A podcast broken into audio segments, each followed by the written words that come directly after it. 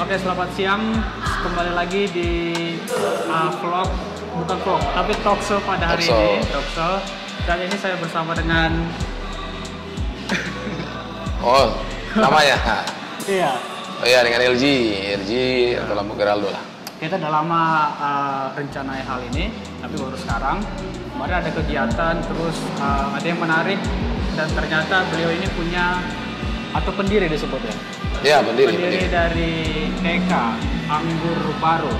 Jadi kita udah kenal lama, jadi uh, menarik untuk dibahas, ya kan? Karena ini TK ini pendidikannya gimana? Atau misalnya uh, berbasis swasta ya? Ya swasta. Atau disebut gimana swasta? Berarti kebanyakan Swasta sih kalau kita. swasta. Iya. Oh iya, swasta. Iya. Nah, jadi langsung aja diceritakan kenapa ada kemauan atau hasrat atau mungkin ada impian mungkin sejak dari umur lima tahun. Aduh umur lima tahun udah Iya. pengen punya TK gitu. Coba abang ceritakan uh, awal mulanya atau mungkin sebelumnya dari bukan orang rumah ya, Bukan, bukan bukan rumah ya. lahir di Orang Tarutung kita. orang tahu tuh. Iya.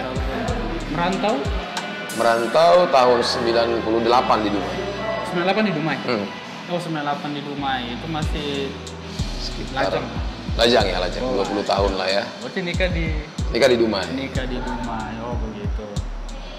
Oke sekarang bisa di diceritakan kenapa sih awalnya mau mendirikan uh, TK? TK ya. Iya. Oke, eh, sebenarnya tidak ada apa namanya impian ya, seperti yang Eli bilang tadi. Tidak ada impian sejak kecil ya untuk membangun sebuah eh, tempat pendidikan ya yang terkhusus untuk anak-anak. Namun seiring waktu berjalan ya Tuhan mengarahkan ke sana visi tersebut. Nah jadi eh, awalnya eh, setelah saya ada di rumah ini terjun di beberapa pelayanan pelayanan ini di gereja seperti biasa ya di gereja di GBI kemudian eh, suatu suatu kali kita mengadakan KKR KKR kemudian eh, ada banyak hamba Tuhan yang datang. KKR ini juga banyak dihadiri oleh hamba Tuhan dan jemaat. Dan pada waktu itu eh, saya ada di situ. Dan yang melayani seorang ibu saya lupa namanya dari eh, Selandia Baru ya dari New Zealand ya. Nah kemudian datang ke Indonesia ya. Kemarin ada kejadian penembakan di masjid. Nah itu mungkin negaranya nah dia datang ke Dumai dan ibu ini punya karunia eh, apa namanya eh, pengurapan dan penglihatan begitu nah di akhir singkat cerita di hari acara itu sudah pulang beberapa jemaat tinggal beberapa pengerja hamba Tuhan nah saya dipanggil untuk eh, didoakan. Nah seperti biasa saya datang ke depan bersama dengan istri. Nah namun ketika ibu tersebut berdoa ya dia hanya kasih eh, nubuatan ya nubuatan kepada saya yang pada saat juga saya nggak ngerti Nah, jadi sebenarnya nubuatannya simple. Eh, simple sebenarnya. Dia bilang apa namanya? eh, your your hand like a rubber, you have many many kid ya atau many eh, banyak-banyak anak-anak gitu. Nah, saya sebenarnya nggak ngerti ya udah. Habis doain ya pulang gitu ya. Sebenarnya pulang dan akhirnya beberapa waktu eh, lagi ketemu di gereja tapi bukan dengan ibu ini dengan seorang hamba Tuhan ya nah kemudian saya tanya itu apa maksudnya? Bahwa tangannya seperti karet kemudian eh, Punya saya punya banyak anak. Nah, juga terkejut juga ya. Iya. punya anak seperti apa? Banyak juga bisa bisa gawat juga ya. Iya. iya. Iya. wih mantap nih. Isep ini. iya. Di sini Green Tea ya oke makasih bang ya. Oke. Iya, kita lagi ada di Le Cafe. Nggak tahu Iya. sebetulnya Le Cafe, Le Cafe nggak tahu. saya minum green tea nih supaya sehat ya. Nah terus eh, bapak yang saya tanya ini menjawab Hmm. bahwa anak-anak yang dimaksud bukanlah anak-anak secara jasmani, tetapi anak-anak yang Tuhan titipkan dan kemudian eh, tangan yang disebut seperti karet itu itu bermakna elastis, suka suka memberi seperti itu dan memang sebelum saya didoakan bahkan setelah itu juga memang eh, saya melayani di sebuah gereja dipercayakan juga waktu itu seperti pelayanan ibadah keluarga ya. Nah kalau di kami namanya pool atau family altar dulu. Nah saya Community of Love. community of love ya komunitas kasih ya. berubah dari family altar menjadi kul dulu di, di tempat kita. Nah, nah kul ini ada 43 kul dulu di gereja kita. Nah, saya memimpin uh, kul tersendiri namanya kul kul anggur baru. Hmm. Ada sekitar uh, 15 sampai 23 orang anggota kita. Nah, di kul inilah karena memang komunitas kasih ya kasih itu kan identik dengan berbagi. Ya. Nah, ini saya ajak teman-teman di kul, saya ajak uh, saudara-saudara semua di sana, mereka mau. Nah, awalnya kita bagi-bagi nasi ya bagi-bagi nasi bungkus kepada orang gila, gelandangan, tunawisma, pemulung. Nah, yang seperti kemarin kita kita ya, ya. kita lakukan itu sudah bertahun-tahun kita lakukan gitu. Nah, nah itu kita awali, kemudian beranjak ke arah pendidikan. Ini sadar kok nggak sadar, uh, yang penting saya lakukan. Nah, kita beranjak ke arah pendidikan beberapa uh, suatu saat saya mendengar berita bahwa di satu daerah di Tapanuli Utara itu ada keributan yang mengakibatkan uh, orang tua mereka itu dipenjara ya dipenjara kemudian anak-anak ini tidak ada ayah mereka yang, yang bekerja karena rata-rata satu kampung itu masuk sel gitu karena ada kejadian kejahatan di situ nah kemudian seorang bapak rohani hamba Tuhan kirim ke saya bahwa anak ini perlu dibantu akhirnya kita tergerak kemudian kita ini kita apa namanya kita karena kebutuhan di sana adalah tas sekolah, buku-buku dan sepatu. Nah waktu itu saya menyumbang kurang lebih 43 pasang sepatu dari, ditambah kesmeni. Dananya? Dananya dari uh, dari teman-teman juga, tapi lewat kul ini cool, gitu ya. ya. Mereka mereka kan namanya mau membantu lah. Patungan istilahnya. Ya ada patungan, ada yang membantu. Ya, dan ya, secara ya. apa namanya materi ada materi, juga ya. barang yang dikirim gitu. Nah, nah itu awalnya. Nah tapi ketika saya datang ke, ke tempat tersebut, hati ini tersentuh. Rumahnya di daerah-daerah itu banyak ini, banyak yang susah gitu oh, kan. Iya, iya.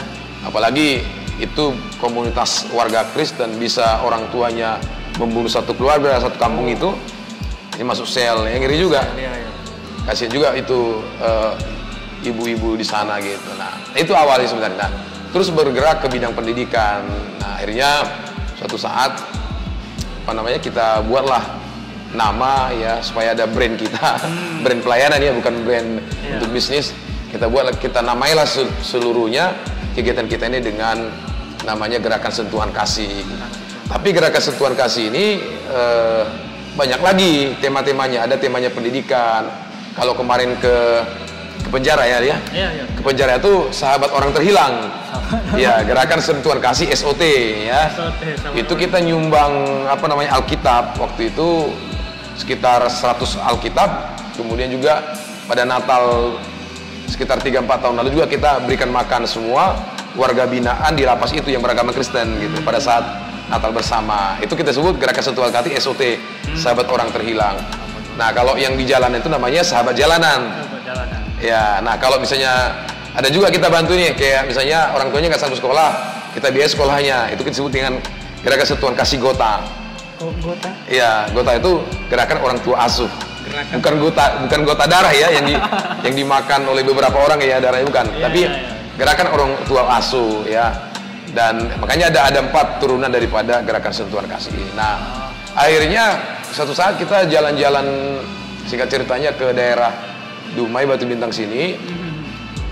Ya itu tadi intinya eh, bagaimana pelayanan ini bisa berkelanjutan Nah Tuhan arahkan kita ke mata kita kepada anak-anak di komunitas warga Kristen orang Batak di Batu Bintang itu banyak yang tidak sekolah. Nah akhirnya itu kita jumpai orang tuanya, kita kumpulin, kita ajarin, kemudian timbullah niat e, untuk membuat ya gimana kalau buat sekolah saja supaya lebih lebih apa namanya berkelas, lebih berarti. Ya, ya, ya. Nah jadi waktu itu saya bareng sama istri, ya dia bersedia untuk e, melayani ya awalnya PAUD sebenarnya. Hmm awalnya PAUD itu murid awalnya sekitar 27 28 orang.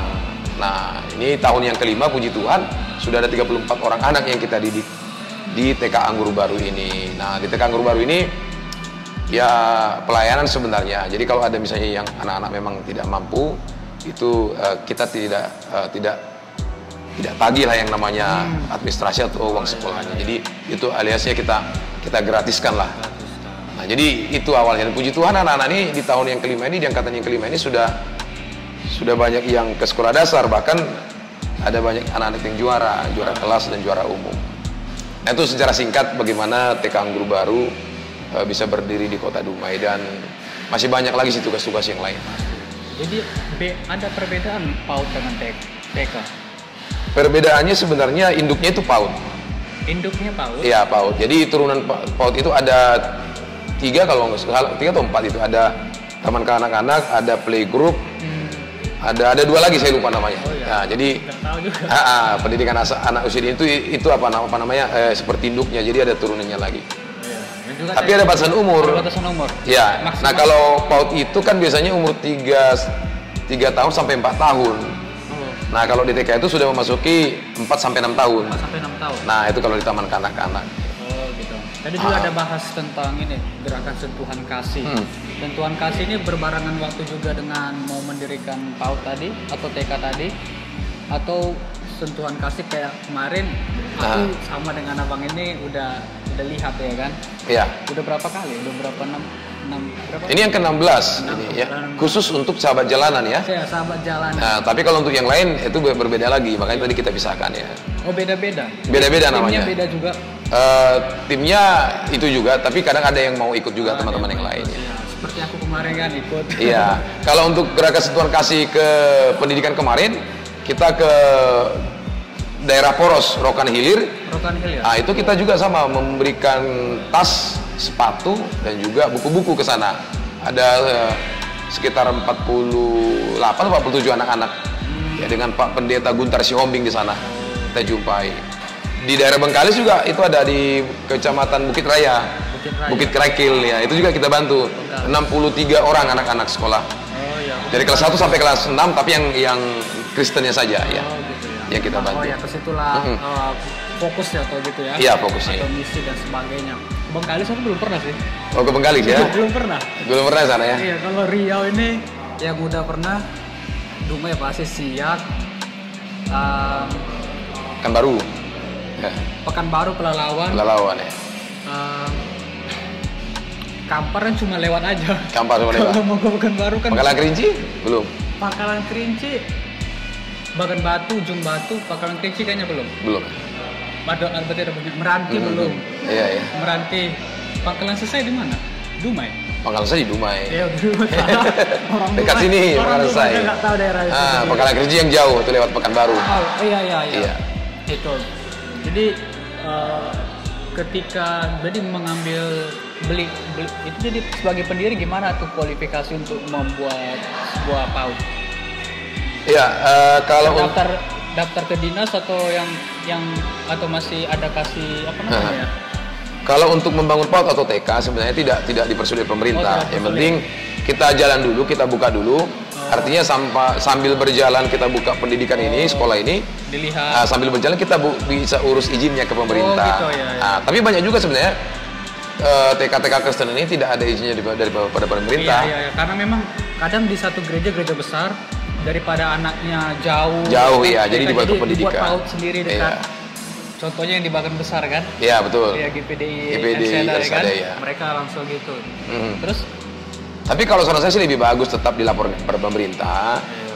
supaya ia sebagai anak Tuhan juga ada legalitasnya juga. Iya. Karena selain izin eh, sekolah itu juga nanti kita akan apa namanya dinilai dengan akreditasi yang Prioritas. daripada pemerintah ya.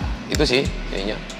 Tapi walaupun belum terakreditasi dari pemerintah tetap ada bantuan dari pemerintah Pem Pemko atau gimana? Atau Eh, kalau untuk bantuan sebenarnya harus di- harus dapat izin dulu dari pemerintah. Hmm. Jadi kalau nggak kita misalnya daftar ke pemerintah, dia nggak tahu tentang kondisi Oh, iya, iya. daripada apa namanya eh, TK kita gitu. Jadi nggak Oh. bisa tahu dia. berarti sebelum terdaftar ke Pemda atau Pemko berarti kita usaha dananya dulu kebanyakan dari kita sendiri atau dengan Iya. relasi kita. ya? Relasi ya. Kalau ada relasi rekan-rekan yang mau apa namanya yang mau bantuin juga ya puji Tuhan. Oh iya iya. Ya, sampai sekarang juga kita juga belum ada dana yang eh, tetap yang daripada pemerintah. Hmm. Namun ya puji Tuhan sampai hari ini bisa berjalan Bisa dengan berjalan, baik. ya. Ya. tentunya ini juga eh, pertolongan Tuhan dan juga Ya. eh, uluran tangan dari teman-teman yang punya hati yang tergerak untuk eh, pendidikan anak-anak ini. Sekarang sudah semakin banyak eh, anak-anak yang yang sekolah. Ya sekolah kita katakan sekolah Ya, ya. sekolah ya. Sekolah atau berTK di di desa Nanggur Baru. Karena juga dari dari gerejaku juga ada beberapa. Ada ya beberapa. Kalau kenal sama anaknya Ferdinand, Ya Ferdinand ya betul ya ada kan? ada. Ferdinand. eh, nggak tahu lagi aku juga lupa. Ada sih banyak, cuma saya nggak monitor ke sana. Hanya Iya, iya, iya. di event-event tertentu aja saya hadir. Karena kan ada juga kepala sekolah dan guru-gurunya yang Oh. mengelola di sana gitu. Jadi kalau tenaga pengajar gimana bang eh, mencari atau orang yang udah dikenal biasanya kan kalau yang seperti itu biasa hanya orang yang dikenal kan lebih Iya. lebih enak gitu cara apanya eh, membangun hubungan dan sebagainya. Ya memang se seyogianya sebaiknya yang kita kenal. Iya. Uh, jadi kita lebih gampang masuknya, mengarahkannya, melatihnya untuk uh, mendidik anak-anak ini gitu. Tapi sekarang ini sih ada sudah ada standar itu dari uh, apa namanya Kementerian Pendidikan Pendidikan. Oh. uh, untuk uh, kepala sekolah dan juga guru-guru. Nah, untuk kepala sekolah itu kan minimal dia sarjana pendidikan, ya pendidikan TK, PAUD atau pendidikan lah. Tapi kalau untuk guru-guru saya dengar masih bisa sih yang apa, yang dari SMA. Oh, kalau untuk Iya. tenaga pengajarnya. Tapi Iya, kalau yang pengajar, ya. kepala sekolah tadi ya. Kepala sekolahnya ya.